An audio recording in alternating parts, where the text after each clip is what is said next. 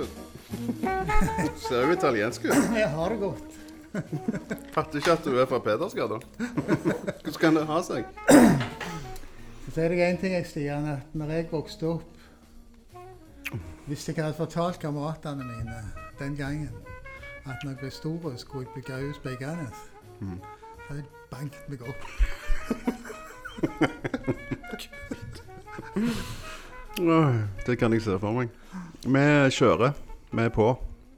Vi tar opp. Eh, Velkommen til Rolf Nordås. Eh, De fleste kjenner han. Han har fartstid som kultursjef i Stavanger kommune i de siste 20 åra. Gikk av i fjor, 2017, Ja. i juli. Så det begynner å nærme seg et år Mm. at du har hatt fri. Såkalt fri. Så hvordan har det vært? Det har vært utrolig bra. Jeg har oppdaget at det er et liv utenfor Stavanger kommune. Oi. Ja, faktisk. Men det er de som mener jeg trengte lang tid å få oppdage det. Nei, altså For å bli litt, litt seriøs Jeg har jo hatt en utrolig bra arbeidsplass. Jeg hadde ikke vært der så lenge, og jeg hadde ikke hatt så mange kjekke oppgaver hvis det, det ikke var for det. Men eh, jeg har jo eh, etter at jeg eh, gikk av, hatt, vært så heldige og så privilegerte at jeg har eh, kunnet få bruke min kompetanse. Det er, det er et privilegium. Mm. Hva er din kompetanse? Ja, jeg, jeg har blitt jeg har fått en del oppdrag. Jeg har etablert et eh, lite foretak. Eh, jeg har ikke brukt ei krone på markedsføring. Mm. Eh, allikevel så får jeg en god del oppdrag. Jeg har sagt nei til mange. Jeg er nå i en så heldig posisjon at jeg kan velge. Eh, det er mer snakk om å begrense, begrense Mm. meg, eh, men, men det er jo et positivt problem. Mm. Eh, da er det veldig mye Jeg driver med kulturrådgivning. Mm. Og da er det spesielt mye med kulturhovedsteder. Folk vil eh, ha informasjon og, kommun og kommentarer på. Mm. Så jeg eh, Den største oppdragsgiveren min har vært Bodø kommune, som, som jeg er en mentor for. Mm. I forbindelse med at de søker om å bli kulturhovedstad i 2024. Mm. Så jeg har hatt et par små oppdrag for Trondheim kommune, Kristiansand kommune og ellers en god del i utlandet. Mm. Så, så eh, det er veldig kjekt. Og så lenge jeg syns det er det, så vil jeg nok eh, fortsette med Mm. det. Mm. Så, så det er en ny situasjon for meg. Jeg har jo aldri opplevd det før. At jeg har kunnet eh, bestemme både hva tid jeg vil jobbe, og hvor mye jeg vil jobbe, og hvem jeg vil jobbe for. Der er jeg nå, og har det veldig, veldig bra. Mm. Så bra. Det, sånn ser det ut.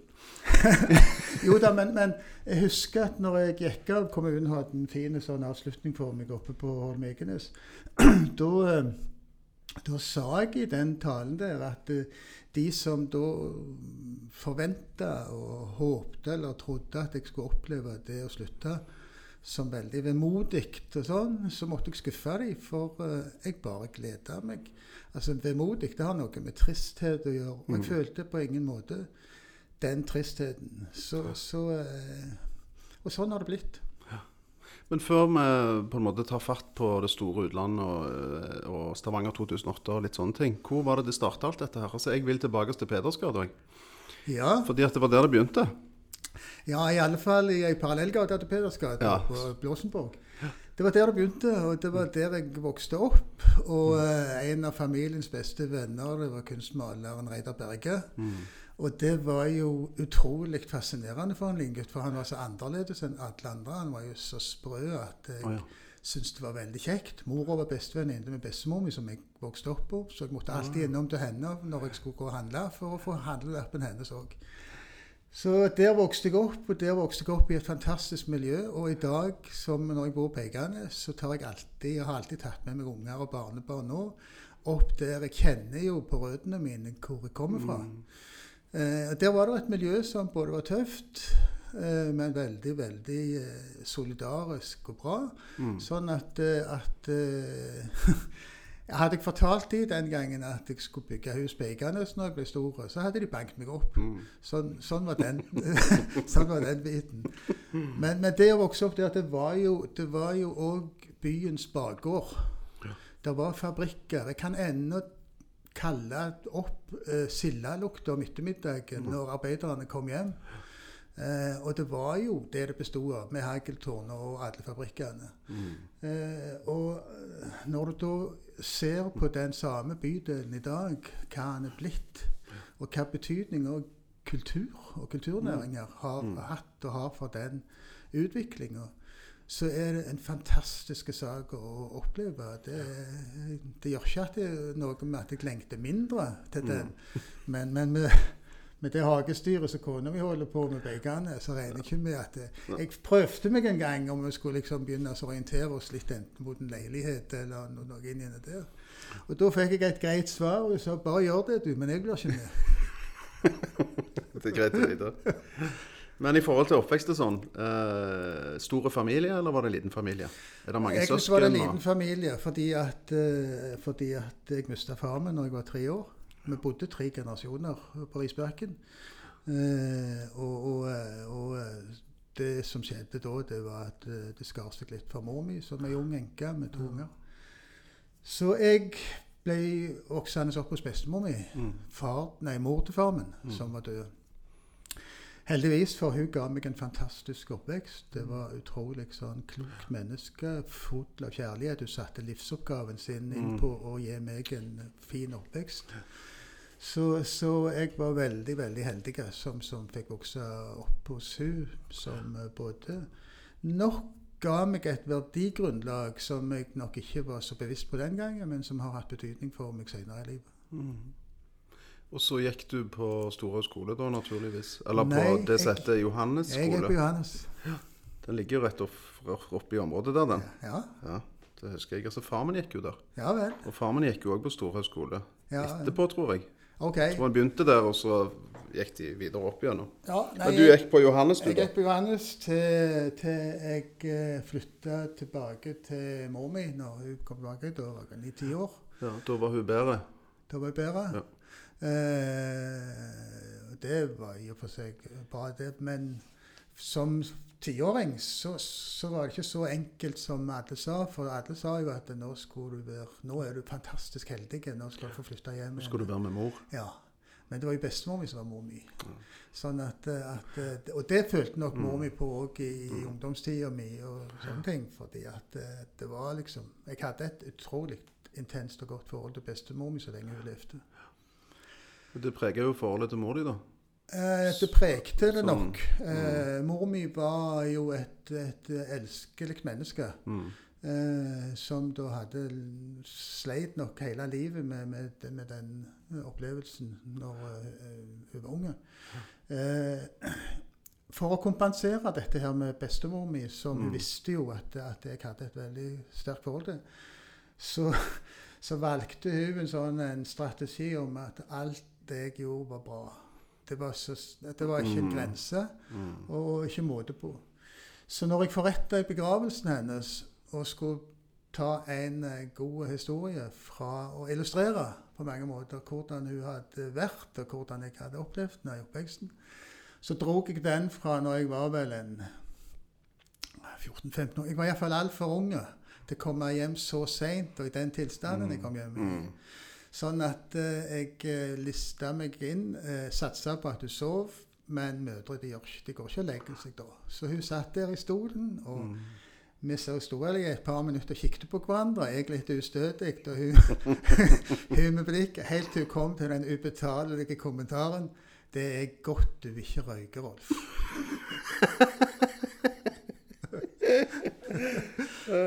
Ja, den er god. Ja. Sara.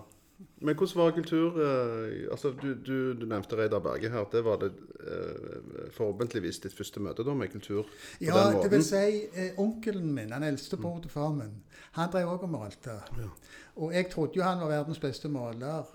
Helt til den gangen han kom, han kom hjem med et bilde med, Jeg husker det ennå. Han hadde malt et landskap med ei elv Mm. som kom mot oss. Problemet var at vannet rant oppover. og han hadde kavt og kavt med det vannet uten å få det renne nedover. Og så ble Reidar bedt om å komme opp. Oh, ja, for Ja. ja. Ja. Reidar trengte liksom. Noen minutter, så rant vannet nedover. da skjønte jeg at det var ikke noen alene her som var verdens beste. Det var det Reidar. Sånn, altså du fikk et sterkt forhold til Reidar Bergen, du da? Vi hadde et veldig godt og nært forhold. Og jeg kunne fortalt mye gode historier om en Reidar hvis du vil ha én. Ja, ja. Ja, eh, Reidar han eh, leverte ganske mange bilder og malerier til Hurtigruta. Eh, og, og eh, som belønning så Det var ikke så lenge før han døde. Som belønning så fikk han en tur. Mm. Det var sånn utenom høysesongen. Og da fikk han en suite på en av disse her opp til Kirkenes og ned igjen. Og så var den båten på sånn eh, lanseringsturné eller markedsføringsturné eller hva det var, rundt kysten. Og blant annet så stoppet han i Stavanger. Og Reidar ble invitert når de var her pga. alt dette her. Og han ble inviter, kunne invitere med seg noen venner. Så jeg ble invitert med. Og uh, vi satt der og hadde en god, eh, god middag. Det var en nydelig kveld. Og så skulle vi da bak Han lå med akter inn mot byen, mm. og disse her suitene de lå akter. Sånn Ja, ja, at sånn vi, ja, mhm. som gikk bak. Så vi gikk bak der han lå der ute, og så så vi innover mot Vågen. Og han var finere enn jeg tror jeg har sett Vågen på postkort. Altså, det lå bada i lys og helt stilt og vakkert. Så etter en stund vi hadde stått der, så sier Reidar til meg Rolf, fy faen for en fin by. Hva heter han?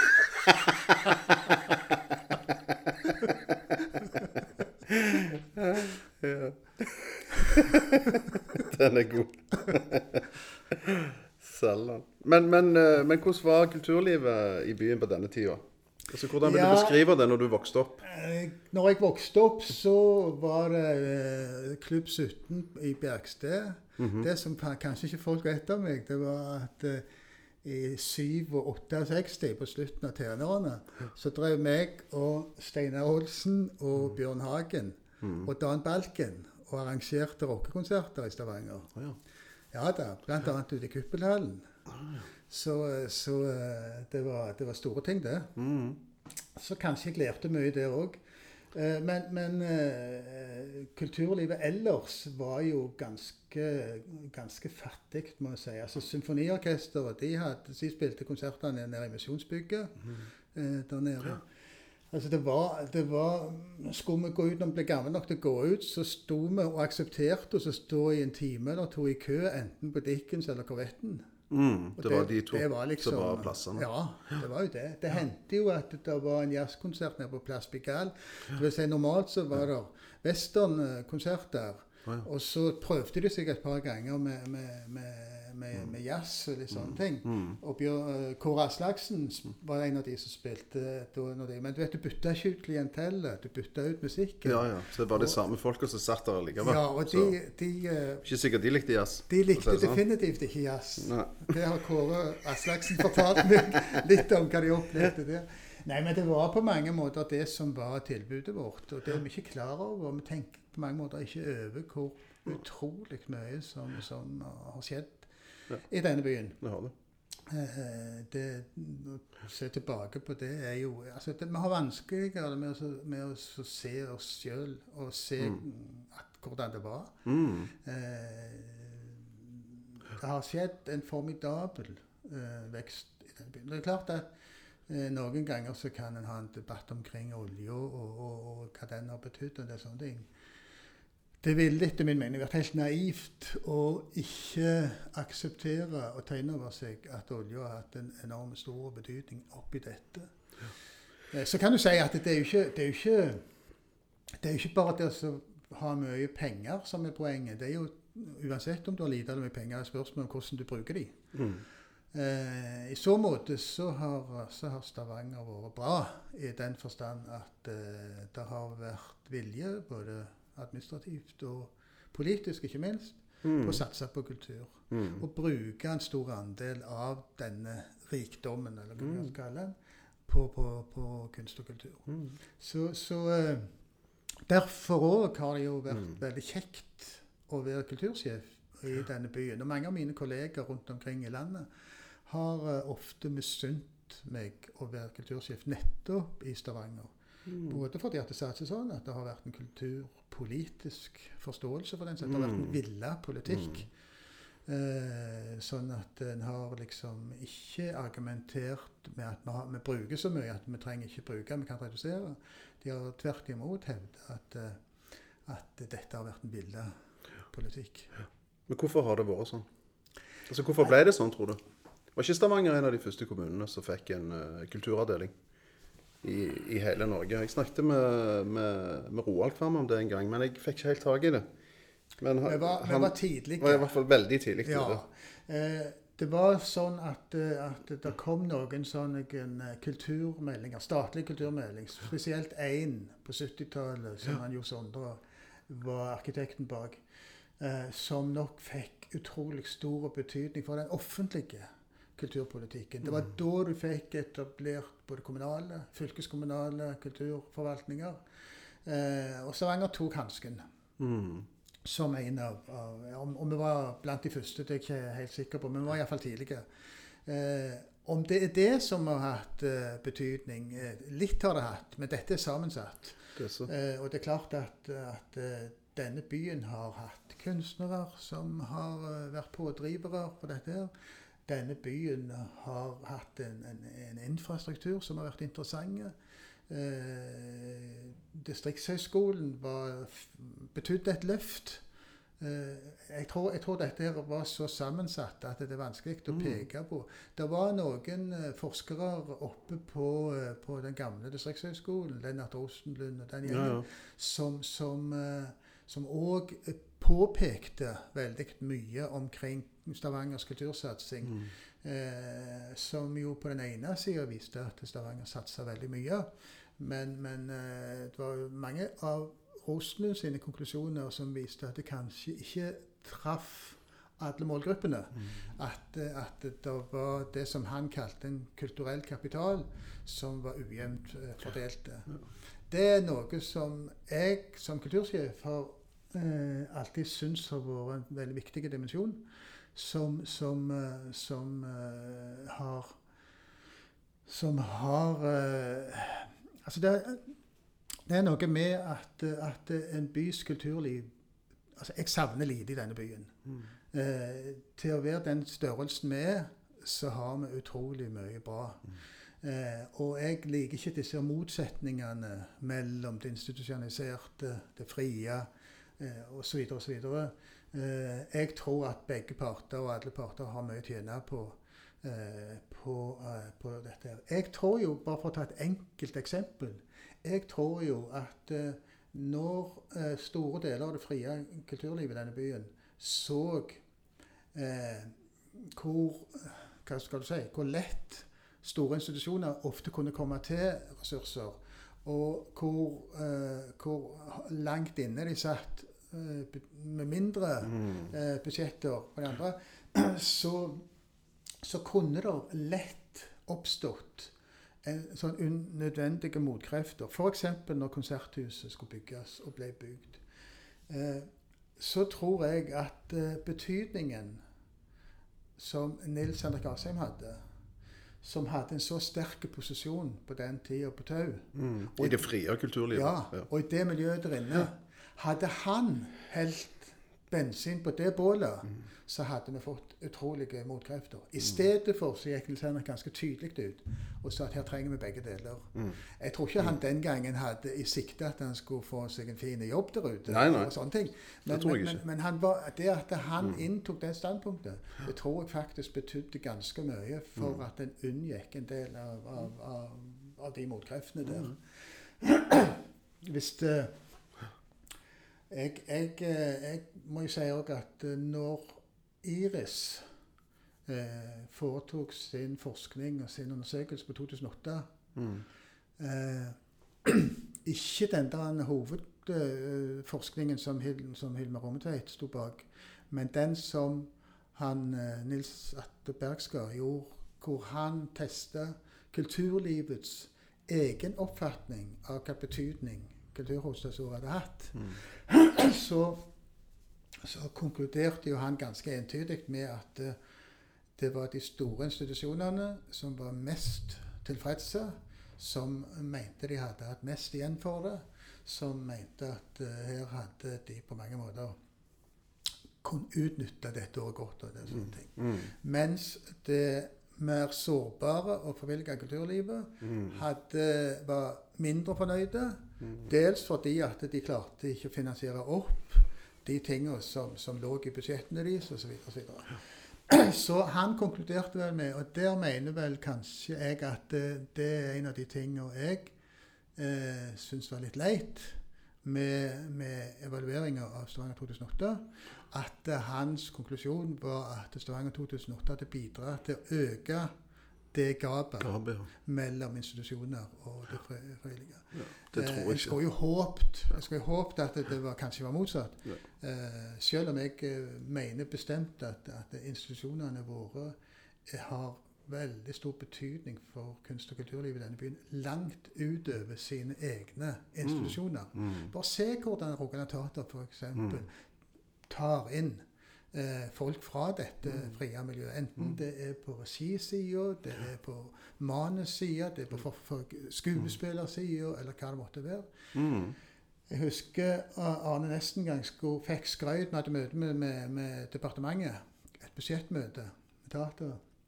Og da fikk eh, Arne Nøst eh, sånn for, for på den tida Det er gjerne sånn ennå at departementet var veldig flinke med å skrive at det var veldig viktig å inkludere Mm. alle, i, og spesielt den nye befolkningen. Den internasjonale befolkningen. Og da husker jeg på et av disse møtene så var det en fra departementet som, som ga Arne veldig mye skrøyt for at han hadde brukt mørkhuda dansere i Jungelboken. Og da svarte Arne at de brukte jeg fordi de var best. Mm. ja, den var på kanten. Så, så, eh, så det er jo en forferdelig viktig dimensjon å, å ha med seg når en vurderer eh, kulturlivet i, i Stavanger. Som i det store og hele er, er bra. Så det, jeg må jo si at det er utrolig mye bra. Vi snakket om tau. Det er et godt eksempel på hva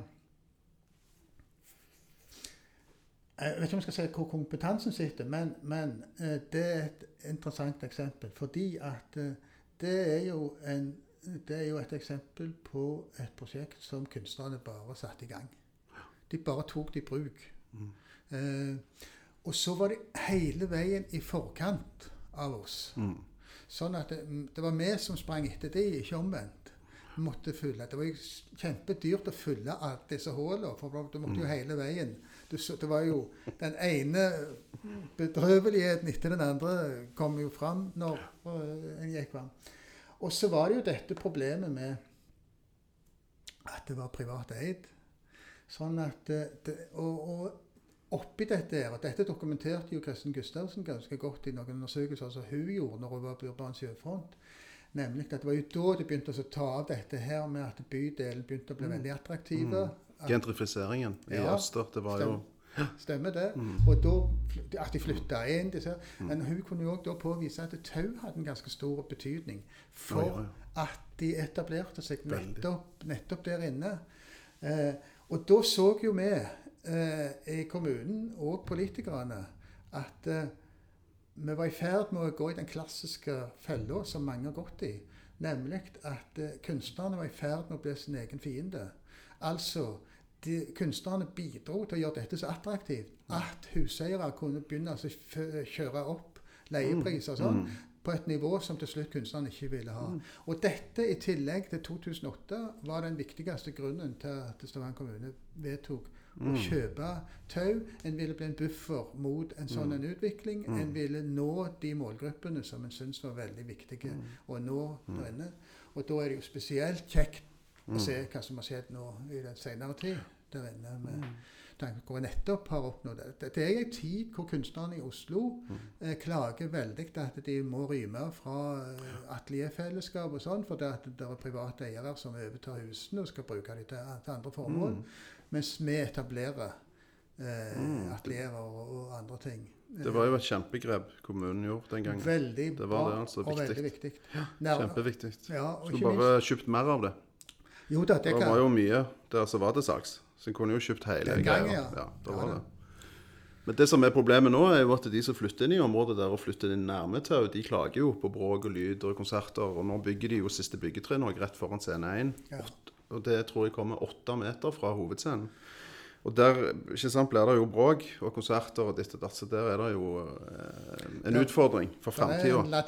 For det er noe med at du flytter til en bydel som er attraktiv nettopp pga. taus scene. sant? Ja. Og det er aktiviteter, og produksjoner, det, bla, bla, bla. men når du flytter inn der sjøl, så vil du ha det rolig. sant? Så det er jo alltid det der. der. Ja, nei, Per Paradokset. Arne Alstad viste meg hvor nærme det kom. Kommer nærme. Ja, det gjør det. Så renner jeg i soverom der, så blir det litt sånn problematisk når du har sant, en festival eller ja, et eller annet sånt. Så da handler det om å gi og ta litt, da, òg i et sånt område. ja. ja. Det blir Så det. det- Eh, men, men for all del, altså. Det, det er uansett en, en suksesshistorie. Så vil det det. alltid møte den type hindre på, på, på sånne kun- områder. Men eh, jeg håper bare de finner ut av den problemstillingen. Jeg er iallfall veldig glad for den utviklinga som, som skjer der inne, og som har skjedd der inne. Ja, Det er viktig. Viktige ting. Um, ja, vi, vi var jo i Pedersgrad da, men uh, jeg tenker liksom Altså, Hvor gikk veien din på en måte videre? Altså etter skole? Du gikk på barneskole og alt det vanlige. og Før i tida så heter det jo Hva heter det? Barneskole og gymnas. Ja, ikke Men, sant? men nei, altså, jeg trodde når jeg var Da ble jeg vel 19-20 år, at lykken bestod i å bli ingeniør. Ja. Jeg visste ikke hva jeg ville. Jeg visste at jeg ville studere, men jeg visste ikke hva jeg ville. Så jeg eh, reiste til Trondheim og ble ingeniør. Ja. Eh, og jeg skjønte jo etter hvert at dette var ikke min gate. Så, så jeg, eh, jeg husker ennå at jeg hadde møte med Marit Mauritsen, som eh, den gangen var sånn studieveileder, eller hva var, oppe på, på, på det, det var det som het Ja, det heter Distriktshøgskolen fortsatt. Mm, mm. Og så hadde jeg da orientert meg og funnet ut at de hadde noe sånn kultur- og samfunnsfaggreier. så jeg hadde, allerede da var jeg klar til å hoppe over. Og hun klarte jo gjennom den samtalen å overbevise meg og, og til å gjøre meg ferdig der oppe, for jeg ville aldri trege på det og sånn. Og jeg fikk et mindre problem med å argumentere for Lånekassen. Jeg kunne ikke si at jeg ville bli kulturarbeider. Jeg ville si at jeg ville få et utvidet perspektiv på min tekniske utdannelse. Smart. Ja. Nei, men oppi dette, på den tida, så fikk en person veldig stor betydning for min videre vei. vei. Og det er eldstebroren min. Oh, ja. For han drev med kultur. Og det starta nok først fordi at når jeg var 12 og 13 år de somrene, da bodde han i Oslo, utenfor Oslo og drev plateselskap og skrev musikk og komponerte for plater og Oi. film og hele pakken. Og det å så være 12-13 år og, bodde, og alle disse her artistene som bodde hos han, Wow. det var jo så svært at det var ikke måte på. Sånn at jeg var mer og mer fascinert eh, av, av han i, i oppveksten. Han skrev bøker, og han begynte med, med, med barnekultur. Og forska på det og litt sånne ting. Så en sommer så, så hadde han et, sånn et prosjekt hvor han fikk disponere et sånn et eh, Ikke et høyfjellshotell, det var nærmest et, et, et, et, ganske sånn nedslarve. Hvor hele personalet bestod av psykisk utviklingshemmede. Og det gikk så det suste. Ja. og det hele tatt så, så måten han drev ting på og sånt, det ble en sånn inspirasjonskilde. Sånn at eh, når jeg da etterpå tok to år oppe på det som først Først på Johannes. Mm. Første året. Oh, ja. På Johannes igjen. For det var, også andre året da de flytta opp Ullandhaug. Så da gikk vi der. Eh, så når jeg eh, studerte der, så i et fag som heter norsk kulturhistorie, så skrev jeg en oppgave om det han gjorde med disse her eh, barnekulturgruppene, som, som man kalte de. Så eh, jeg hadde ganske mye eh, med, med han å gjøre i, i denne utviklingen og, og, og modningen på, på, på kulturfeltet. Så ble han ganske viktig for meg. Mm. Eh, og eh, Men flytta du til Oslo, eller? Nei. Nei. Altså, får ikke noen tanker om det? Nei. At jeg flytter etter han? Kan jeg gjøre, gjøre noe for han, eller nei? Nei, altså, han, han, gjorde sine ting, han. Han flytta til Stavanger. Og han kom her, ja. Ja. Så han flytta til Stavanger da. Så, så, eh, Mm. så det, var, det var nok eh, Jeg tror ikke jeg kan ikke huske at jeg noen gang hadde de, Mm. eh, de tankene heller. Men, men, eh, men det var mer sånn at det var så gjevt og så stort. Og så oppleve disse Pussycats, den gjengen, og mange av disse her. De bodde jo sånn. Eh, og så skrev han jo 'Gråtende sky'. Ja, gjorde han det? Ja, ja. ja. Og alle disse her eh, wow. greiene her som Harald Pettersen og disse sangene. Det var jo Nei da, så han var et oppkomme. Han og hva var det Ingvald Per Iversen sa en gang? Han har ti eh, ideer til dagen, Hvis du klarer å fange den ene geniale, så Mm. har du jo Sala. hmm, spennende. ja. Men hva musikk hørte du på sjøl, da? Altså, jeg har, altså I ungdommen så, så, var det, så var det det som alle hørte på på den tida. Det var Stones og Beatles, Ja. og det var Kings og Searchers og Jerry and the Pacemakers. Hele den der ja. balletten der. Og så reiste meg og Anders Bru på jazzfestivalen i Molde i 72. Vi visste ikke helt hva det var. Eller vi visste jo at det var en jazzfestival, men jeg hadde ikke noe forhold til musikken. Og da satt jeg i Molde kino, husker jeg. Og så spilte Weather Report. mm. Da var det gjort. Oh my god. Ja, George Null kom inn. Wayne Shorter hadde først hatt en, en intro der sammen med han Pastorio som bassist. Ja, ja. Og så holdt de på ganske lenge, og så bare kom Savinul inn og så smelte ned noen akkorder, og så kjørte de på som det var helt vilt. Så fikk du kontrasten dagen etterpå med Keith Jarrett i solokonsert. Altså det var sånn, Den ene tok det andre. Eh, og da var etter det så har, liksom, så har nok jazzen stått meg nærmest. Mm. Men jeg er ganske sånn altetende. Jeg er veldig glad i, i altså Det er mye klassisk jeg er glad i. Der, mm. der der eh, fortsatt så Eller jazz er jeg nok altså, Det er jo det det Mm. Det er som- det det går mest av. ja, det er nok det det går mest av. Fortsatt så liker jeg veldig mye. Eh, det kan være norsk, og det kan være ganske spesielt, og det kan være ganske bredt. Og Mm. noen ganger så kan det være ganske så Eksponentelt. Så. Og streit. Ja, Ja, ja. Fra Chet Baker til Paul Nilsen Love til ja, det, det, sånn klassisk Miles Davis og Jeg var jo på konsertene nå på Meyers, både med Paul Nilsen Love Mm. og med, med Kloroform, f.eks. Ja, ja. Det var jo fantastisk. Kloroform sin konsert var jo vanvittig bra. altså. Wow. Jeg så ikke det. Så eh, Nei, så, så eh, Nei, det er jo Altså, den Samtidig, den beste konserten jeg var på i fjor, og jeg var både i utlandet og hjemme, eh, det opplevde jeg eh, i Stormen, i konserthuset i Bodø. Mm. Gjermund Larsen, som var festivalprofil, og som her spilte nå i Peterkirke under Meyers. Oh, ja. Utrolig bra. Han hadde en konsert Han var jo festivalprofil, så jeg så han i alle sammenhenger. Fra pubkonserter til han var ute i naturen. Men hva er det han spiller? Han spiller fele. Oh, ja. Er helt vanvittig. vanvittig. Han har mange, mange spelemannspriser. Han er Grammy-nominert to ganger og hele pakken. Eh, Han hadde en konsert i Stormen eh, under Nordland Musikkfestuke som eh, Jeg kom ikke over den, altså. Det var, det var omtrent litt sånn samme Noen ganger så blir du så Mm, Greve. grepen av konserter, som jeg snakket om i den i Molde i 72. Sånn, sånn var den. Det var en helt annen konsert, men det var han og det norske solistkoret, ja, solistkoret eh, og det norske ungdomssymfonikerne. Og så var det hun der lille Mari Hva det heter Mari Fjellberg Mm. eh, et eller annet. Ei Mm. lita samejente. Wow. Gud, hun sang, og de andre, og det var, det var ja, det var helt outstanding. altså. Så, så sånn sett så er det og kanskje òg det at når du blir grepen, så kan det òg ofte ha noe med at når du ikke helt vet hva du går til Mm. Hvis du da liksom Jeg er Mm. livredd jeg skal bli skuffa når jeg om to uker skal til Spektrum og høre på Paul Simon. Mm. Ja, skal du? Ja, ja. Og det har jeg jo gleda meg til ganske lenge nå. Jeg er livredd at det skal bli nedtur. Ja, ja. Det kan fort bli det. Ja, det kan Det det. er nettopp. Jeg er helt enig. De der, eh, de der opplevelsene der Når du ikke vet helt, og du er litt åpen, og det er litt sånn Ja, ja, greit nok, men og så smeller det til. Jeg var på Kammerene i fjor eh, i Domkirka med Christian Ile Hadeland. Ja. Spilte eh, Bach, Goldberg-variasjonene. Det var helt seint om kvelden. Ja, jeg sant? Midt, ja. Jeg bare liksom Det var ståpels og Altså. Nei, det, Det var fantastisk. Det, det, Det gleder jeg meg til i år. Kammermusikkfestivalen er veldig bra, og, og Christian gjør en. Altså han, Outstanding. ja, jeg var jo litt bekymra når Martin Frøst slutta. mm. Eh, for jeg syns de to er så fantastisk tospann. Men det viser seg at Christian han, han, han er en sånn en Og så har det nok noe med at han er herfra òg. Altså. Ja, han har jo kjærlighet til byen. han har jo det. og til folka rundt. Og Ja. han er jo et geni, på sett og vis, vil jeg si. Så hadde det ikke vært deg, så skulle sagt at det er en god administrativ ledelse òg. Ja, men det er det. Det er viktig. Det skal jeg love deg.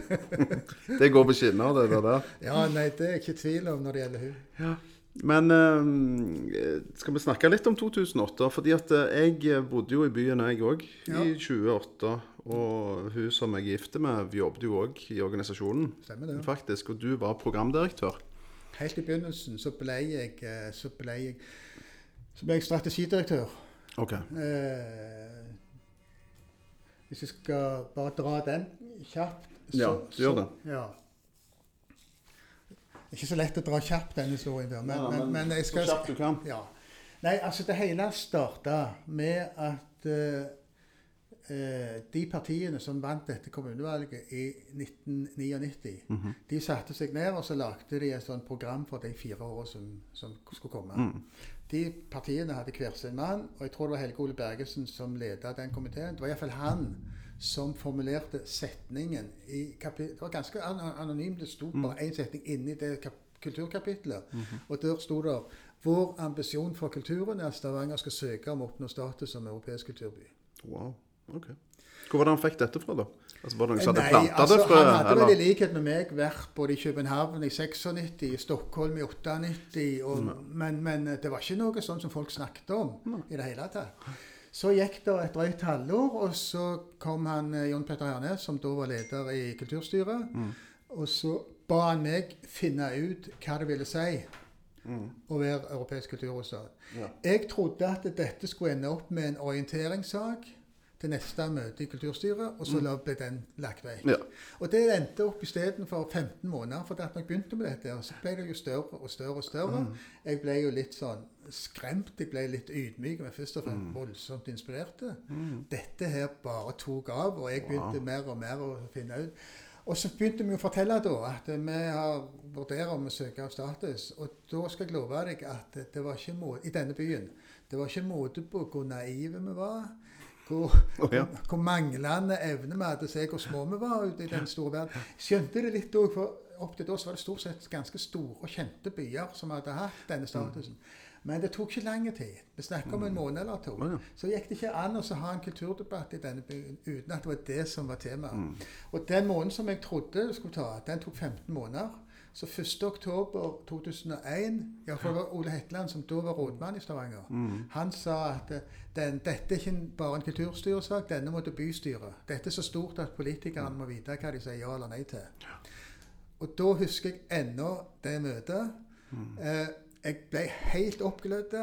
Jeg har aldri sett så mange folk. Det var fullt av publikum i bystyresalen, oppe på galleriet og hele pakken. Og jeg hadde drømt om at kultur var så viktig. Det var bare ett problem. Og det var når bystyret var ferdig å behandle den undergangen i Oskar Wissings gate under motorveien, så gikk alle. Nei, det var derfor de var der. Fader òg. Men da vedtok de iallfall at vi skulle søke. at vi skulle søke, at De, de, de, vedtok innstillingen. og det var at Vi skulle søke vi skulle søke 2008. Vi kunne velge selv hvilket år. Ok. Vi valgte 2008, for vi visste allerede da at England eller Storbritannia hadde fått statusen det året. Og Dette var i 99, sant? Så det var nei, da var vi kommet til 2001. Ok, men allikevel så var det ganske mange år. Altså Ja, ja, ja. fram til. sant? Et Ja. langt løp. Ja, men Syv år til. Det viser seg at de løpene de er så lange. Ja. De er så lange. Sånn at i, i, når, Da vedtok de at vi skulle søke i 2008, og så at det skulle være et nasjonalt anliggende, både finansielt og, Mm. og på andre måter. Og da begynte jo jobben. Oh Da var det å jobbe da var det først å få en avtale med Sandnes og fylkeskommunen. Så var det å få med de andre norske storbyene. Og så var jo, hadde jeg så mange møter inne i Oslo og i Brussel, ikke minst. Jeg hadde jo et kontorpult en stund nede på europakontoret vårt i. Brussel. Pål Jakob Jacobsen, som da var direktør der nede, han syntes det var så fantastisk å jobbe med dette. Han jobbet ellers bare med næring. Mm, ja, ja. Han, han var helt fascinert. Endelig noe kjekt. Ja. Ja, ja. så, så da gikk det på skinner fram til sommeren 2003. Uh, i, I juni, husker jeg. Da satt jeg i presselosjen på Stortinget. Og da behandla de uh, saken, proposisjonen, om at eh, Stortinget skulle garantere oss 100 millioner. Mm. En tredjepart av, av budsjettet. Og så mye fint om byen min og Mm. distriktet mitt har jeg aldri hørt før, tror jeg. Og det interessante var at det var ikke de fra Rogalandsbenken. men det nei, det var noen andre som la det fram. Det var det Oslo-folk. var ikke måte på hvor, hvor fantastisk det var. Jeg tror Bent Høie hadde noen ord. Men, men eh, det var da så juni. Og så gikk det da ti måneder til, så ble det vedtatt i mai 2004. Mm. Da var jeg i Brussel, og da hadde vi stor fest om Oh kvelden. my god. Da eh, vedtok ministerrådet den dagen eh, å tildele statusen til Liverpool og Stavanger på samme vilkår. Men hvordan føltes det? Det føltes fantastisk. Eh, jeg, jeg kan ta en liten historie om det. Mm. fordi at eh, det er noe med at eh, når du tenker tilbake på hva, hva som gleda deg i 20 år som kultursjef, eller hva du var litt sånn stolt Mm. av, eller noe sånt, så er det ikke alltid de store tinga. Det var jo fantastisk å få det der nede, og det, det var jo helt eh, enormt. Men når jeg kom hjem, så Mm. skjedde det en liten ting. Da fant kona mi og meg ut at dette skulle vi feire. Så da gikk vi rett i nabolaget her, og på Jans mat og vinhus, Mm. hvor Rena nå holder til. Mm. Og, og uh, hadde bestilt et bord på lørdagskvelden. Når vi kom inn den kvelden, så brøt det ut applaus Nei, wow. fra folk som jeg ikke kjente. Det var sånn Mm. Noen ganger så, så, så det, skal jeg si, det er ikke alltid de store tingene, men, Mm. men den, den berørte ganske, ganske heftig. Nei, det, det, som, det som ellers skjedde sånn faglig og, og i forhold året, det var at Men du var jo fremdeles kultursjef, sant? Ja, fram til da så hadde jeg gjort den jobben. Jeg hadde vært ansvarlig for den søkeprosessen Mm. som, Som kultursjef av kultursjefjobben. Ja. Sånn at når vi da fikk statusen, Ja. så regnet jeg med at nå var mitt løp Nå hadde du gjort jobben, Nå hadde nå hadde du skaffet de, nå hadde du gjort alt det du skulle. Nå var det opp til noen Nå- andre. Ja. Så nå vil jeg tilbake igjen. Eller skulle jeg tilbake ja. igjen. Og så kom Sevland. Mm. Og han er ikke så lett å protestere mot. Nei, så han bare trampte inn og sa nå, Rolf. Ja, han trampte vel ikke, men, men han, han eh, sa at eh, jeg vil at du skal ta permisjon, Ja. og nå konsentrere deg om eh, først å bygge opp eh, organisasjonen, starte oppbygging av eh, organisasjonen. Mm. Eh, og når vi får på plass en direktør, gå inn i ledelsen av den. Ja. Så det skjedde, og da ble jeg der eh, fikk jeg fem års permisjon. Så da eh, var jeg der eh, fra 2004 til 2009 og var tilbake som kultursjef. Mm. Det tror jeg nok at både jeg og, og kultursjefstillingen hadde godt av. Det er noe med når du er så lenge i en stilling, så blir du lett sånn eh, Du blir ikke korrumpert, men du blir på mange måter eh, Det er iallfall fare for at du trør etter hvert i, i vantespor. Du, Mm. du, du, blir, Ja, du blir ikke sulten nok Nei. til å så, til å så gå videre. Så, så eh, Og da var det Siri Aavitsland som gikk inn Siri, som Siri var min nestleder når jeg var kultursjef før vi fikk dette her, og var den naturlige eh, Mm, Avtakeren, ja. ja. Så Siri gikk inn og var kultursjef da de, de fem åra, Stemmer. og gjorde en god jobb. Gjorde så. Men eh, ansettelse av, eh, av organisasjon og sånn, det starta da umiddelbart, det? Ja. Sånn, For her skulle jo en få inn folk litt tidlig til å være med i denne, hele den prosessen. ja. Og det gjaldt òg Mary Miller, sant? ja Altså, Hvor tidlig var det hun Ja, hun, hun, ble, uh, hun ble tilsatt i uh, oktober-november, rundt der, i 2004. Ja.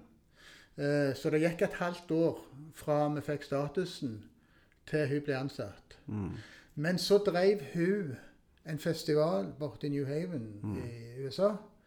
Og den var om sommeren. Så hun fikk anledning til å avslutte den i 2005. Så hun begynte hos oss eh, høsten 2005. Mm. Det var omtrent på det tidspunktet òg at, eh, at eh, Cornelius Middleton Mm. Han var direktør, han, eller han, ja, han var Det hette driftsdirektør. Mm. Eh, og etter hvert så tok uh, Cornelius et overordnet ansvar for både i tillegg til økonomi og administrasjon og dagdrift, og eh, på, på, på kommunikasjon Ja, og, og, og, og marked. Og eh, det var ei Guds lykke. Mm, det var bra. Ja. Eh, kan sikkert si noe om Cornelius òg, men, men, men hadde ikke han vært der så, og holdt litt igjen på EIA-en, så eh, Så kunne det gått i en annen retning. Ja, for hun hadde ikke det forholdet til penger som, som, som han hadde. Han var veldig opptatt av at vi skulle kombinere dette her med et veldig bra kunstnerisk program. med, eh, med kontroll. Mm. Budsjettmessig kontroll. Mm. Eh, og, og ryddighet både overfor sponsorer, politikere Mm. og andre. Og det hadde, det hadde organisasjonen veldig nytte og godt av. Selv om, om noen godt kunne tenkt seg at det lå enda mer trykk Mm. på, på, på den kunstneriske delen. Men det, det var, Det var var, trykk vel, mer, det var mer enn nok Ja. der, for å si det på den måten. Men hvorfor ble det henne? Hvorfor ble det Mary Miller? Var det ikke mange søkere her internasjonalt òg? Det var gode søkere, ja. Ja. Det var gode Hvorfor ble det akkurat hun? Nei, det må du nesten spørre Søvland og de som foretok ja. eh, den ansettelsen eh, om. Det er vel noe med at, eh, at eh, gresset er grønt på andre sida og, og, Mm. og sånne ting. Og, og hun ble vel anbefalt av hun Ørjasæter, som ble brukt som sånn rådgiver i, i den prosessen. Ja. Men eh, jeg vet jo hvem hun konkurrerte med i siste instans. og... eh, Mm. Hvem var det? Kan nei, du si? det har ikke lov å si. Når har du lov å si det? Når går den klausulen ut? Nei, jeg vet. Altså, Det er av hensyn til henne, for det var hun Ja. som la vekk på. Jeg bryr meg oh, ja. veldig lite jeg, om, eh, om, om, om sånne ting. Men, men eh, det er ikke sikkert at hun i ettertid beklagte det, for hun fikk en ganske solid stilling i norsk kulturliv. Eh, Ok. Mm. Men hvordan var forholdet ditt til Mary Miller da, sånn i starten? Nei, i starten var det godt. Ja, Dere var gode, gode kamerater og jobbet bra sammen og sånn? eh, Nei, altså Vi snakket veldig om dette her behovet for å ha sånn ryddige linjer og ryddige sånn ansvarsdeling. Mm. Og, og, At det var klart definert på forhånd Ja. hvem som skulle gjøre hva? Ja, og dette var også et viktig poeng for meg når jeg ble bedt om å ta den der rollen. og sånn, at, at sånne ting skulle være avklart. Ja. For ellers så, så jeg for meg at dette ville bli ganske problematisk. Mm. Og dette var vi enige om. Mhm. Men eh, Så begynte dere så, å jobbe. så, så eh, når virkeligheten meldte seg, så, eh, Så ble det så ble det litt annerledes. Ja. Og så ble det knute på tråden. Det For det gjorde vel det? å- Ja, det er rett å si at, at uh, altså det, det var ikke sånn at eh, vi, vi krigte hver dag og litt sånne ting. Nei. Men vi var, men vi var uenige om en del veivalg. Mm. Uh, det er klart at eh, veldig mange av de prosjektene som eh, jeg eh, hadde befatning med og mer eller mindre ansvar for, fordi at de ble allerede presentert lenge før Mary kom. De sto i den søknaden Mm. til, til Brussel, ti av de, og en del andre kontrakter og avtaler ble inngått Mm. før Mary kom. Eh, etter Mary kom, så ble det en annen slagside i den forstand at eh, programmet fikk en mye mer internasjonal eh, kontekst. Eh, og det fikk eh, eh, Det fikk, det fikk eh, Altså, vi hadde, Det var tre elementer som, som vi bygde og baserte søknaden på. Det ene var de som sto i søknaden fra før. Mm. Eh, Det andre var det som kom inn av forslag i Open Call og Mm. alt dette her. Mm. Og den tredje det var Stavanger 2008 sine egne prosjekter. Mm. Og Stavanger 2008 sine egne prosjekter, det ble Mary Miller sine prosjekter. Okay. Og, og det, ja.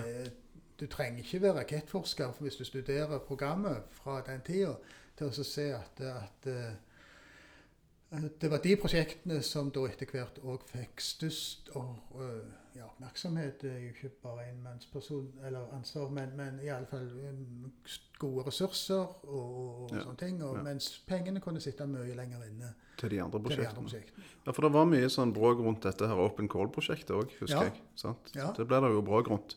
Fordi at en gikk ut og inviterte kunstnerne i byen til å komme med gode forslag. Og innbyggerne òg, for så vidt. sant? Kom, inviterte alle. Hele byen ble Ja. invitert til Ja. å komme med dine ideer. sant? Ja. Og så ble det jo bråk sant, i etterkant av det. Og det er interessant, for det at Open Call eh, Jeg har jo gjort en undersøkelse i tolv tidligere kulturhovedsteder. Og, og eh, Open Call er sånn tveegget sverd. De fleste har, på, likhet med Stavanger, dårlige erfaringer. Ja. Eh, og det er litt sånn naturgitt òg, som burde vært eh, Ja. forutsett. Mm. Fordi at det, det som skjer det på den positive sida, oppsida, er jo at du får utrolig mange ideer og forslag som du ellers ikke ville fått. Mm. Og engasjementet Og engasjement. stiger. sant? Og eierskapet til det. For all del. Og, og, det, er òg problemet fordi at eh, folk legger, nå, siden folk legger, og mange iallfall, mm. la ned utrolig mye av seg sjøl i dette. At De la ned ressurser, penger, tid og, og masse med greier. så skaper du forventninger. Du skaper jo veldig mye. Og så har du ikke, og så blir det et enormt gap mellom de skapte forventningene og de disponible ressursene som du sitter med. Så når du da får avslag på søknaden, så Ja, blir du ja. sur? Men før du får avslag, Ja. så må du ta søknadene alvorlig og seriøst. De har jobba mye, disse her søknadene. Så du vet det ble brukt enormt mye tid på å gå gjennom disse her.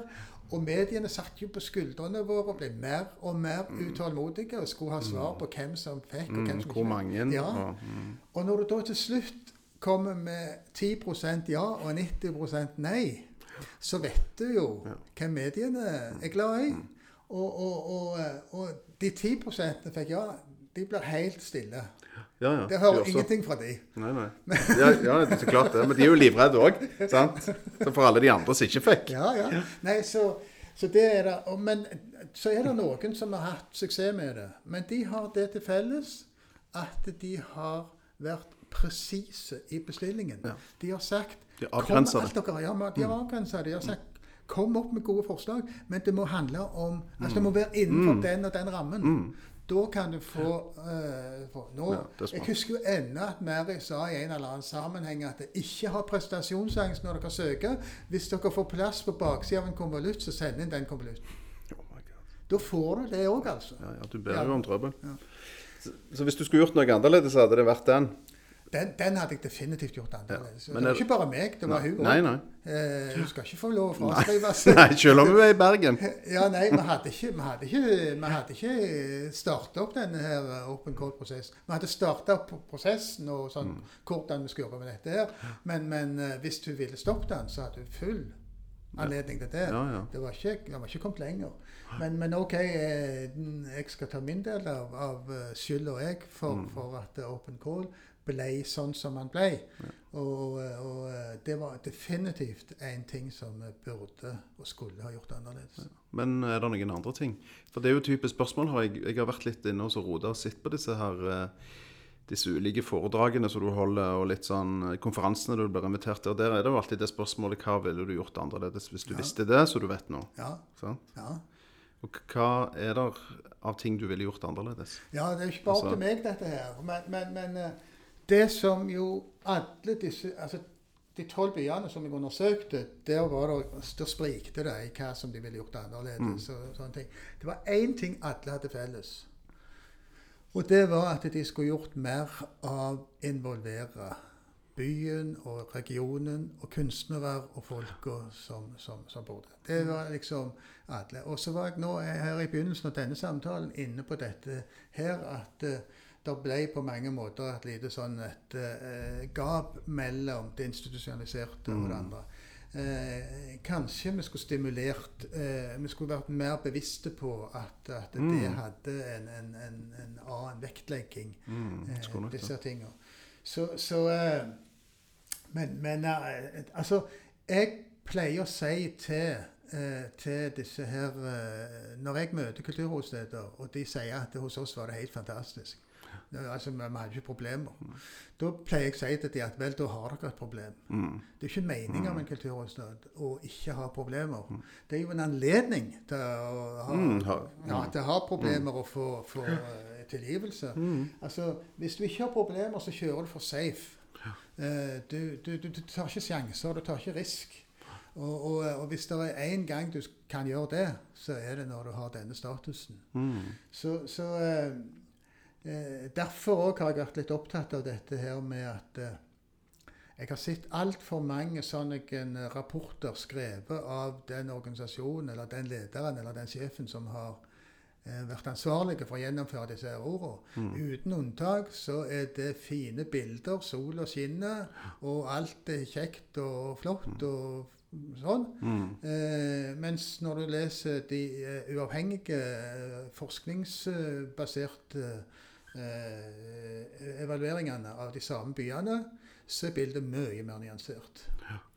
Eh, det er kanskje naturlig at, at det er sånn, men, men, men eh, derfor er jo det litt sånn viktig at, at en òg har det perspektivet. Jeg signerte den avtalen med Hanse, Hans Erik Voktor om å lage dokumentarfilm om Stavanger 2008. Mm. Han fulgte jo oss i to og et halvt år. Uh, han hadde fri tilgang på alt han ville. styremøter, arrangementer, prosjekter osv. Alle kjenner jo Hanse som både en veldig flink filmskaper, Mm. men òg en veldig kritisk mann. Mm. Og det er klart at hvis jeg hadde fortalt Hanse hva han skulle dokumentere, og sånne ting, Mm. i den filmen, så hadde han aldri signert den kontrakten. Men det er klart det var ikke alle som likte at jeg hadde signert den kontrakten. Nei, nei. Det ble jo en veldig kritisk film. Ja, han ble i alle fall Hvis du bruker den riktig eh, og, og legger opp til debatt rundt den etterpå, så kan den fungere veldig godt. Jeg har vist den på to internasjonale filmfestivaler med, med veldig stor suksess. Mm. Ja. Spesielt nede i, i Nederland. eh, hvor, hvor de hadde først satt den opp i en ganske liten sal. Og så ble han flytta og flytta og Ja, flytta. Til slutt ble den vist i den Største salen. salen. og masse oppmerksomhet i mediene og Mm. sånne ting der nede. Hva, hva forhold har du til Trond Hugo Haugen og prosjekt eh, Hva da etterpå? Trond Hugo har jeg eh, fra min side et veldig godt forhold til. Mm. Eh, jeg sa i et eller annet intervju at, eh, at jeg ofte kunne At jeg opplevde at jeg hadde kanskje den viktigste eh, delen av, av, av, av oppdraget vårt fordi at det var sånn enighet om at året etter 2008 var viktigere enn 2008. Mm. Og der da kunne jeg jobbe med det som skulle skje etterpå. Eh, så sa jeg da at eh, i organisasjonen så var det en ganske sånn ensom posisjon. For det var bare jeg som hadde det som Mm. et overordna perspektiv. Jeg sier ikke at de andre ikke glemte det, men naturlig nok så konsentrerte de seg veldig mye om de prosjektene og de programmene og de arrangementene Mm. de skulle gjøre der og da.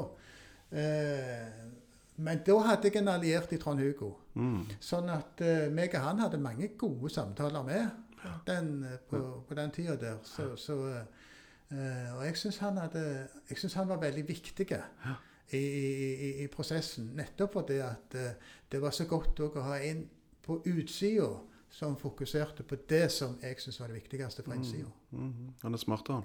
Ja, det er det. Kjempesmart Ja. fyr. Jeg traff han igjen nå på, på utstilling i Kunstmuseet for en måned eller to siden, så det var hyggelig. Men hva er du mest uh, stolt av av uh, disse 2008-prosjektene?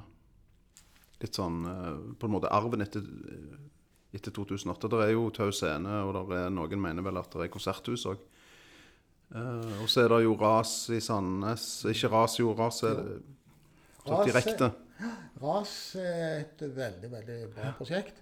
Uh, og det er litt interessant at den som eh, Per Harald Nilsson, som da var sjef der ute på huset, den han satte til å eh, utforme RAS-modellen, det var da, nåværende direktør i Kulturrådet, Kristin Danielsen. Nå var det det? Ja da. Oh, ja. Så, så RAS har vært veldig bra drevet.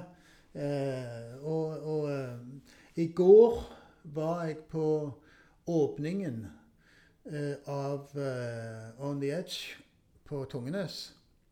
Eh, jeg har jo i mange sammenhenger sagt at On the Edge var et av de viktige prosjektene i 2008. Mm. Både fordi at eh, når, når du velger å ta i bruk disse fyra langs kystlinja vår, så, så var de i en situasjon at når de ikke lenger fyller funksjonen som de har gjort i alle år, eh, når de ikke lenger eh, ja, Pga. datafisering og sånn altså Skipsfarten bruker ikke fyra lenger på den måten som de brukte før. Og når de ikke har den samme funksjonen lenger, så står de lett å forfalle. Og det var jo på mange måter langt på vei situasjonen. Da ble det grepet fatt i det. Først fra entusiaster ute på Hå, og, og, og snakket med Tungenes. Det var spesielt Hå og, og, Tungenes. Og så kom de andre med etter hvert. Og så lagde de dette her eh, prosjektet On the Edge. Eh, og det betydde jo at da får du tatt vare på disse her, men i tillegg til å restaurere de, så har de satt de i stand. Det er kafeer på søndagene, det er utfartssted, og så har de samtidskunst inn i disse her. Sånn at det er blitt utrolig interessant og bra prosjekt å knytte opp imot vår maritime kulturhistorie. Mm. Så det syns jeg er utrolig bra. Og når du snakker om, eller når, hvis vi snakker om eh, synergier og, og kjekke koblinger, for det skjedde det òg veldig mange av eh, rundt 2008, så eh, på tiårsmarkeringen i går på, på Tungenes, når den åpna med han greske eh, kunstneren, så var det altså eh, Hege Tapio Mm. fra EOLab som, eh, som kurerte utstillingen. Og Hege sin artikkelbiennale var òg en åpning av Stavanger 2000. Mm, det. Så, Ja, ja. Det, ja, mm. og det, det, det samme skjedde jo òg når vi Jeg husker på en tidligere fase, da når vi skulle på mange måter utforme disse ti prosjektene som EU hadde bedt om at vi skulle utvikle Mm. i, i, i selve søknaden. Da eh, skjedde det at eh, vi innkalte til mange møter. Vi hadde workshops. og Vi talte over 600. Jeg vet ikke om du var på noen Mm. av dem, men Ja. vi talte over 600. til- til, eh, hovedsakelig fra kulturlivet, men litt av noen andre. Og det er klart at Da fortalte vi vi skal, ti, vi skal presentere ti prosjekter. 600 personer skjønner at ikke de kan få alle sine tanker og ideer inn i ti prosjekter.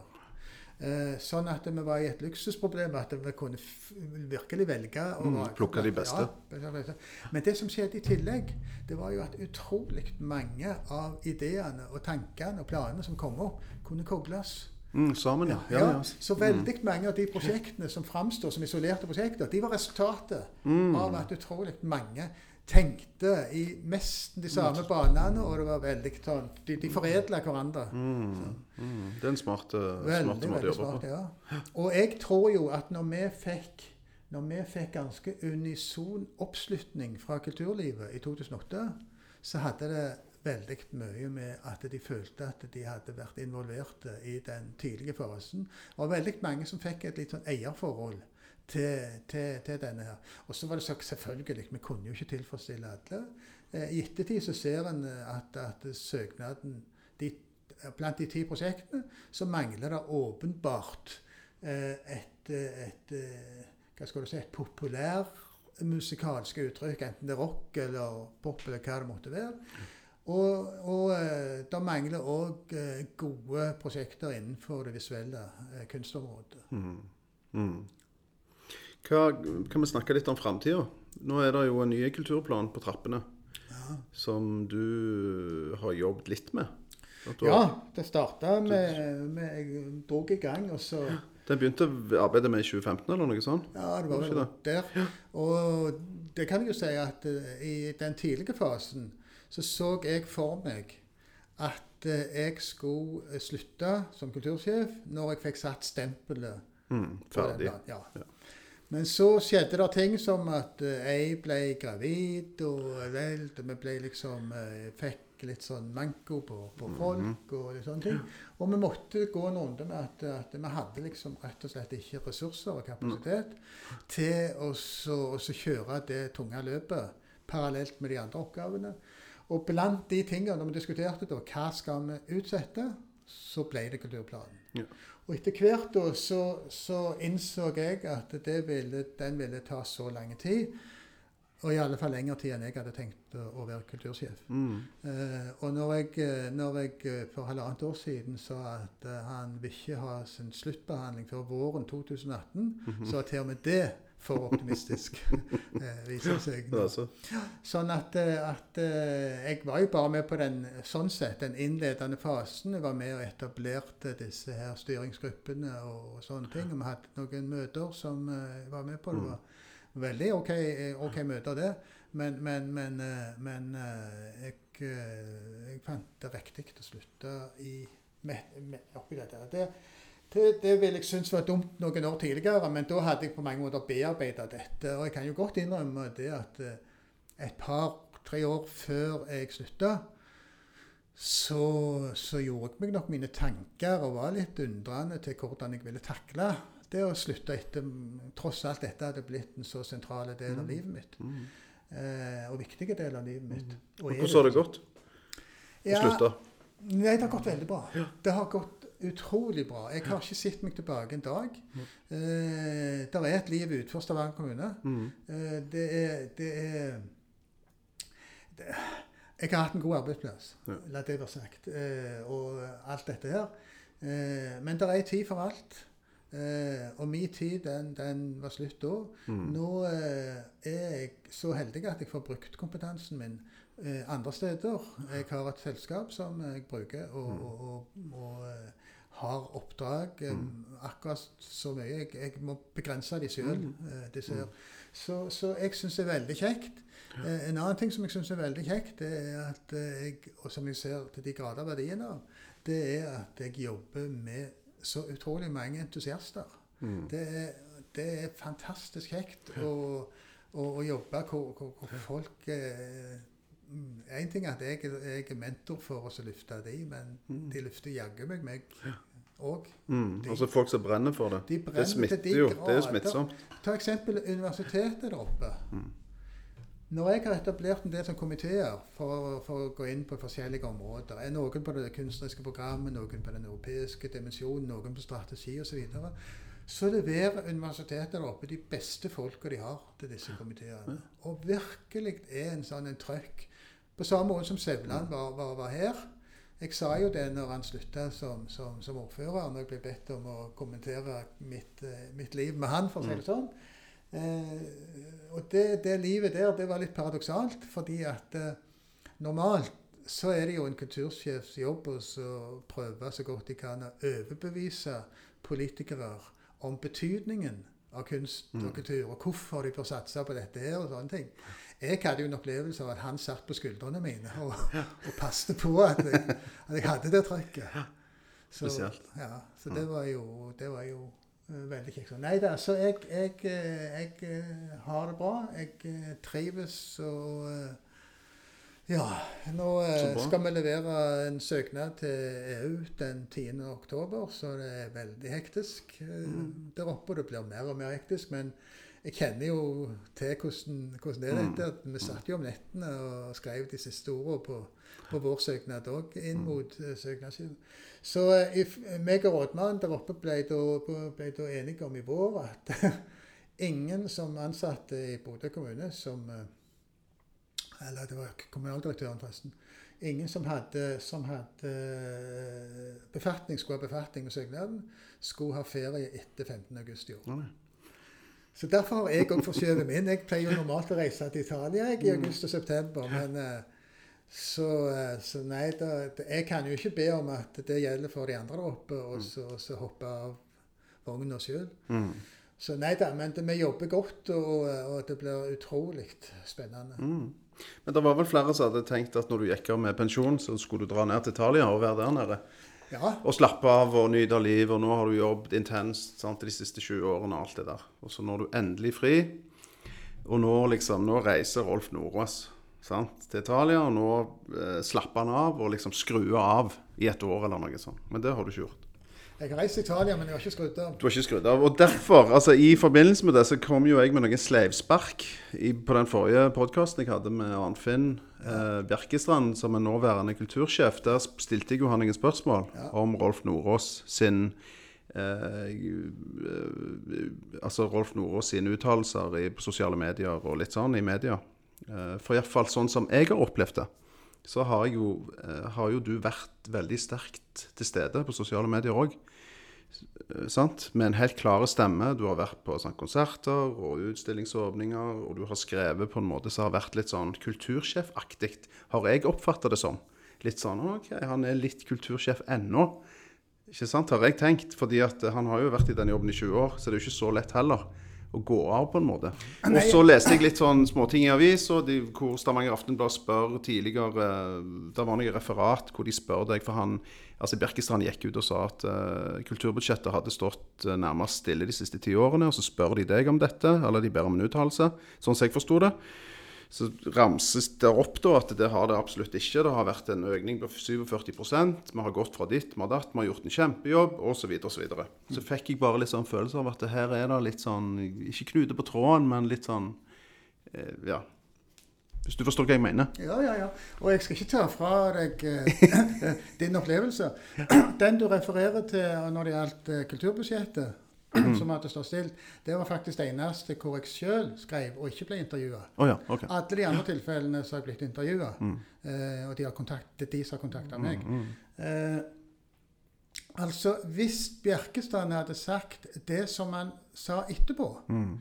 nemlig at han uttalte seg om de frie midlene, Ja, ja, det var jo noe helt så hadde jeg vært enig med han. Mm. Og det hadde ikke vært nødvendig Nei. med den kommentaren. Men det var ikke det han sa. Han snakket om kulturbudsjettet. Mm.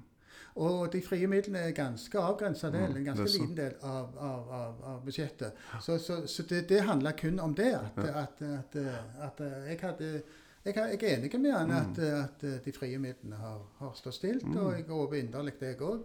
Mm. At den får en økning, Ja, da. ja, Ja. det, det der kanskje Eller det der økningen kanskje behovet for økning Er størst, ja. er størst, ja. Ja. Når det gjelder det med sosiale medier, så er jeg veldig overraska av at det, det jeg har skrevet der, kan leses på den måten. Mm. Eh, senest i går kveld så la jeg ut en fra åpningen på, av On the Edge i går. Mm.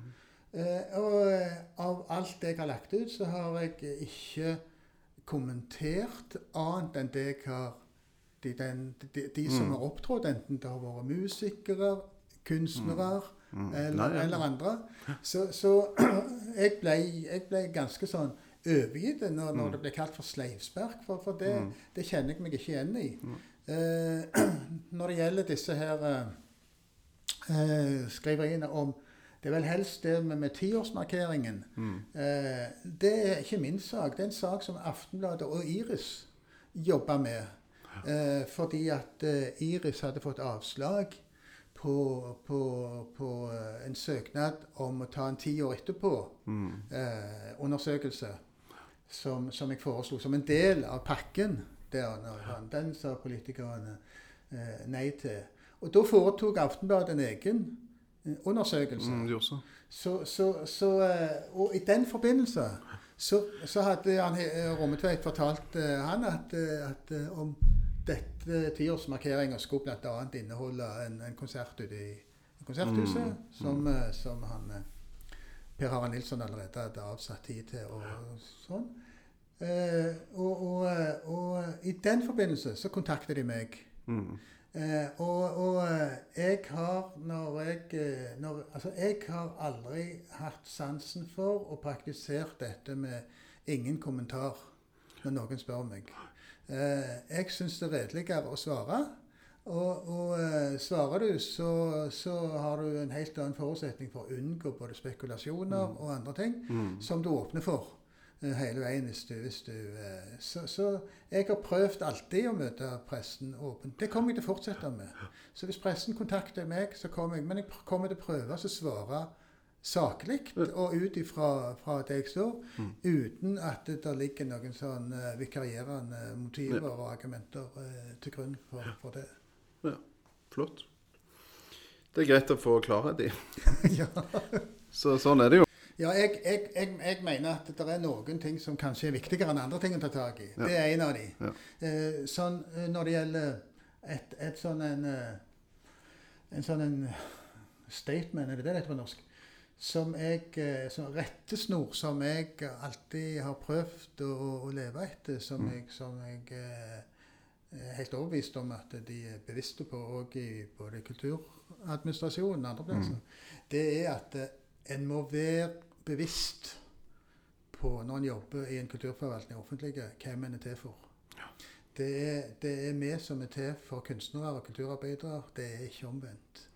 Eh, det høres kanskje enkelt og banalt ut, men når du legger det til grunn, så har det helt klar betydning for de veivalgene du tar, eh, og for hvordan du, du opptrer. Og jeg mener jo at kultursektoren er en så dynamisk sektor eh, at skal det være sjans å henge med, skal det være sjans å møte dette kunst- og kulturlivet på en god måte, så må du oppsøke det. Du kan ikke lese deg til det. Du kan lese deg til et visst nivå, men så må du oppdage det og oppleve det. Enten det er billedkunst, det er musikk, det er dans, andre uttrykk, scenekunst eller hva det måtte være. Et eksempel. For en hel del år siden så droppa jeg innom på Martinique og hørte på et band som, som skulle spille, som heter Egg 3. Mhm. Den kvelden opplevde jeg og oppdaget jeg hva gitarist Stavanger har i Vidar Skanke. Altså, det har noe med at du, du, du, det, det er så verdifullt. Og selv om du kan oppleve veldig mange ting som ikke har den veldig store betydningen, så bare det at du føler at du er med der, der det skjer, Mm. du, du, du lytter til kunstnere, du lytter til kulturarbeidere. For det er de som må legge premissene. Så må du på mange måter da svare med å være tydelig og, og, og, og, åpen. Men, men, men, men, men, eh, men eh, kompetansen sitter veldig ofte der ute. Og da er det en kulturforvaltningsoppdrag eh, å være gode ambassadører. Mm, og være ute i feltet. Og være ute i feltet og være en ambassadør for òg når en skal, skal eh, jobbe disse tingene inn mot politiske myndigheter eh, og andre. Mm.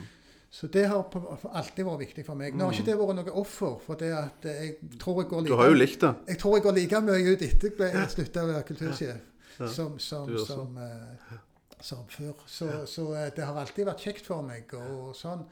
Eh, så så de vil nok fortsatt se trynet se deg, ja. Men det har jo vært kjekt for alle musikerne og billedkunstnerne og danserne òg, opp igjennom at kultursjefen har vært der. og At de har sett deg, at du har vært interessert, og du har snakket med folk. de, av alle de mailer, eh, Messenger og hva det heter, SMS-er og en utrolig telefon fra Svein Tangva når vi slutta, så, så, eh, så satte jeg mest pris på det som alle de som jeg nå nevnte, uttrykte. Nemlig gleden over at jeg hadde vært til stede. Ja. Og det, hvis det kan stå igjen etter meg, så trenger ikke jeg mer. Men det gjør det. Jeg tror vi slutter der. Det står igjen etter deg. Takk skal du ha. Den er god. Takk. Vi snakkes seinere. Thank you.